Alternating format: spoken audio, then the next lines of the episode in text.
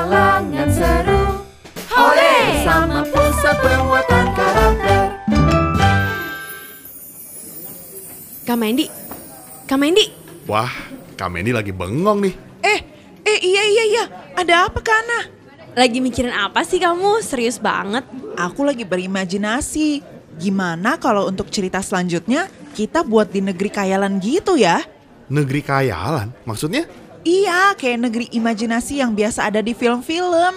Tentang boneka yang bisa hidup, mobil yang bisa bicara, atau serangga yang bisa main sirkus. Wah, lucu banget tuh kak. Cerita kayak apa nih yang kamu pikirin? Aku lagi mikir, gimana kalau ternyata balon itu bisa bicara dan punya kehidupannya sendiri? Di sebuah negeri yang sangat jauh, ada suatu tempat yang dipenuhi oleh balon.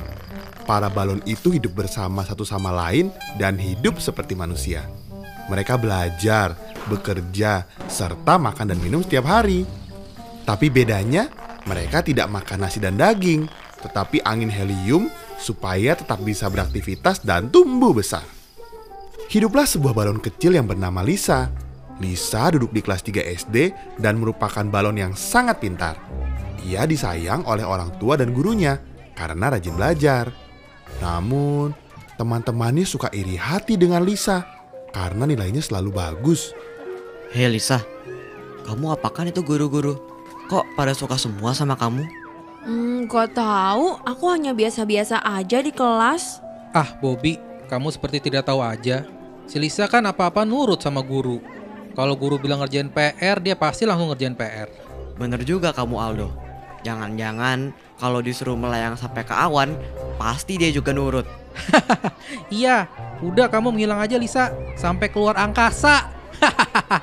Meskipun ia sering dirundung oleh Bobby dan Aldo, tetapi Lisa tidak menghiraukannya. Ia tetap mengikuti pelajaran dengan baik dan tidak membalas perkataan mereka.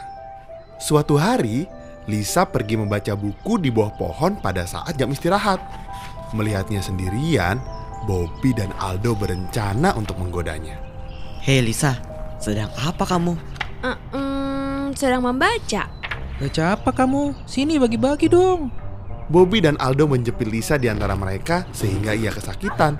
Mereka juga mendesak-desak Lisa sehingga ia terkena ranting pohon yang tajam. Tiba-tiba, karet balon Lisa tertusuk ranting dan tubuhnya menjadi berlubang. Melihatnya semakin mengempis, Bobby dan Aldo langsung lari terbirit-birit sambil tertawa cekikikan. Rasakan dia. Biarin dia makin mengecil dan tidak bisa jadi pintar lagi. Lisa yang ditinggal sendirian menjadi panik dan langsung berlari ke arah gedung sekolah. Di depan pintu, ia bertemu dengan salah satu gurunya, Ibu Sari. Lisa, apa yang terjadi denganmu? Kenapa mukamu berlubang begitu dan semakin mengecil?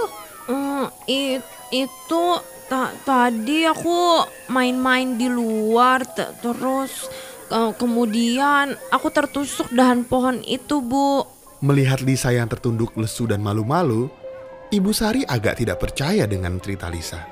Namun, karena Lisa semakin mengempis, ia langsung membawa Lisa ke unit kesehatan sekolah. Setelah Lisa diberi plester dan cadangan angin yang cukup, Ibu Sari mengantarkan Lisa ke kelasnya. Kamu tadi main sama siapa di luar? Kok bisa sampai tertusuk dahan pohon? Hmm, enggak sama siapa-siapa kok, Bu. Cuma lari-lari aja, terus tiba-tiba jatuh deh. Ibu Sari merasa ada yang janggal dengan cerita tersebut. Tetapi ia juga tidak mau memaksa Lisa untuk bercerita. Hmm, aku aku masuk kelas dulu. Terima kasih, Bu. Baiklah Lisa, kalau ada apa-apa kamu bisa cerita sama ibu ya. Iya, Bu. Permisi. Keesokan harinya, Bobby dan Aldo masih terus mengisengi Lisa. Kali ini, mereka mencoret-coret tas milik Lisa ketika ia sedang tidak ada di kelas. Pada saat Lisa melihat tasnya telah dicoret oleh bolpen dan spidol yang berwarna-warni, ia hanya diam saja dan tidak menghiraukannya. Sepulangnya di rumah, ibu Lisa menanyakan keadaan tasnya yang penuh dengan coretan itu. Lisa, anakku, kenapa tas kamu bisa penuh dengan coretan seperti ini? Eh, itu Bu. Em, tadi Di sekolah Lisa lupa menutup bolpen dan spidolnya. Jadi kecoret-coret deh bu. Masa coretannya bisa di berbagai tempat gini kalau kamu lupa menutup bolpen? Ini mah pasti ada yang mencoret-coret. Oh enggak bu, bener. Tadi pas Lisa ngecek itu karena bolpennya yang nggak tertutup dengan benar. Ini, ini. Lihat, tidak mungkin kalau hanya kecerobohan kamu, terus coretannya bisa seperti ini, nak.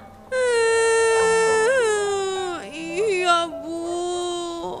Lisa kemudian menangis dan berlari ke kamarnya. Ia menangis lama sekali hingga akhirnya tertidur. Keesokan harinya, ibu menanyakan kembali kepada Lisa mengenai kejadian di sekolah kemarin. Ia memberikan anaknya tas cadangan, sementara tas yang kemarin ia pakai harus dibersihkan. Lisa, coba ceritakan apa yang terjadi dengan tasmu, nak? Kan Lisa udah cerita bu, itu beneran gak sengaja. Lisa, ibu khawatir dengan Muna. Kalau ada apa-apa di sekolah, kamu cerita sama ibu ya. Lisa tidak menjawab ibunya lagi. Ia pergi ke sekolah seakan-akan tidak terjadi apa-apa. Hari itu, Bobby dan Aldo masih belum berhenti mengerjai Lisa. Mereka berpura-pura baik agar bisa menarik Lisa sendirian ketika jam istirahat. Hei Lisa, ke mana tas kamu yang kemarin? Oh itu ibuku sedang mencucinya. Kita minta maaf ya karena telah mencoreti tas kamu. Kita nggak sengaja kok. Mendengar permintaan maaf kedua temannya itu, Lisa menjadi senang. I- iya nggak apa-apa. Ini ibuku memberikan tas lain sebagai gantinya. Kita merasa bersalah sama kamu. Nanti pas jam istirahat, kita main bareng yuk. Iya, kita mau kasih tahu kamu tempat menarik yang pasti kamu bakal suka. Boleh boleh. Pada saat jam istirahat, Aldo dan Bobby berencana untuk mengajak Lisa ke kebun bunga mawar. Kebun bunga mawar adalah daerah yang sangat berbahaya bagi kaum balon karena penuh dengan duri yang tajam. Hanya dengan satu tusukan saja akan sangat berbahaya. Dia bodoh sekali Aldo. Biarin abis ini dia tahu rasa dan tidak akan mengganggu kehidupan kita lagi. Iya benar. Kalau tidak ada Lisa, pasti guru-guru itu akan lebih suka sama kita. Wush, wush, jangan keras-keras. Itu dia datang. Hai teman-teman, mau ke mana nih kita? Shh, kamu jangan bilang siapa-siapa ya. Ini menjadi tempat rahasia di antara kita saja ya. Janji? Iya, kamu nggak boleh bilang siapa pun. Oke oke, aku janji. Sesampainya di kebun bunga mawar, Bobby dan Aldo menutup arah jalan keluar supaya Lisa tidak bisa ke mana-mana. Mereka mendorong Lisa ke ujung kebun dan membuatnya terdesak di antara semak-semak bunga yang penuh dengan duri. Hahaha, rasakan kamu Lisa. Makanya jadi anak jangan pura-pura rajin.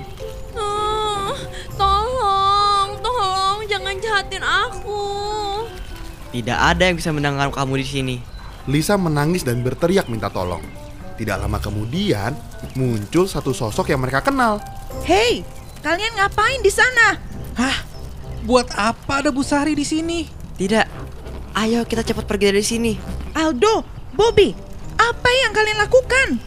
Ti- ti- Tidak apa-apa, Bu.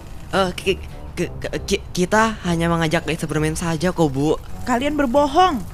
Ibu sudah mengamati kalian sejak Lisa terkena dahan pohon di sekolah. Apa yang kalian coba lakukan di daerah berbahaya ini? Kami minta maaf ya, Bu. Bobby dan Aldo, ayo cepat kembali ke sekolah. Ibu akan memanggil orang tua kalian besok. Ibu. Lisa, kamu kenapa tidak cerita kepada ibu mengenai perbuatan Aldo dan Bobby? Lisa takut. Mereka nanti mereka marah sama aku. Makanya aku makanya aku nggak berani cerita, Bu. Lisa, kalau ada orang yang jahat sama kamu, kamu harus cerita sama ibu atau bapak guru di sekolah. Dan juga sama orang tua kamu. Iya. Untung kamu nggak kenapa-napa, nak. Bagaimana coba kalau kamu sampai terluka? Ibu, Lisa minta maaf ya, Bu. Sudah, sudah, nggak apa-apa. Bercerita kepada orang tua, guru, atau teman terdekat kamu Itu adalah langkah awal untuk memperbaiki keadaan. Iya bu, makasih ya ibu sudah baik sama Lisa. Setelah itu, Bu Sari mengajak Lisa kembali ke sekolah. Ia juga menelepon kedua orang tuanya yang sempat khawatir karena sikap Lisa yang terlihat aneh. Sesampainya di sekolah, mereka menghibur Lisa dan berbicara dengannya. Lisa, aduh, ibu khawatir sekali nak. Kamu kenapa tidak bercerita kepada ayah dan ibu? Sudah Bu, tidak apa-apa. Tadi Lisa sudah menceritakan semuanya. Kami juga akan memantau lebih baik lagi agar kejadian seperti ini tidak terulangi. Anakku, ayah dan ibu bersyukur kamu tidak kenapa-napa. Tapi lain kali, kamu harus cerita ya nak.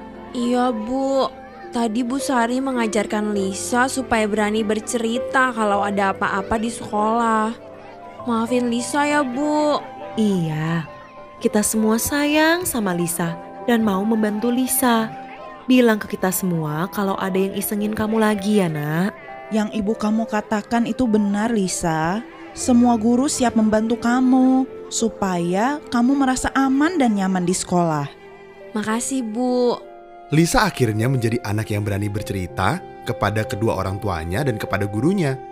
Ia tidak lagi menutup diri dan diam ketika ada teman-temannya yang menjahilinya. Lewat kejadian ini, Lisa juga menjadi teman yang baik bagi banyak orang. Ia memperhatikan teman-teman di sekelilingnya yang suka diusili. Kedua orang tua dan Ibu Sari menjadi lega karena Lisa berhasil menjadi anak yang berani mengungkapkan perasaannya.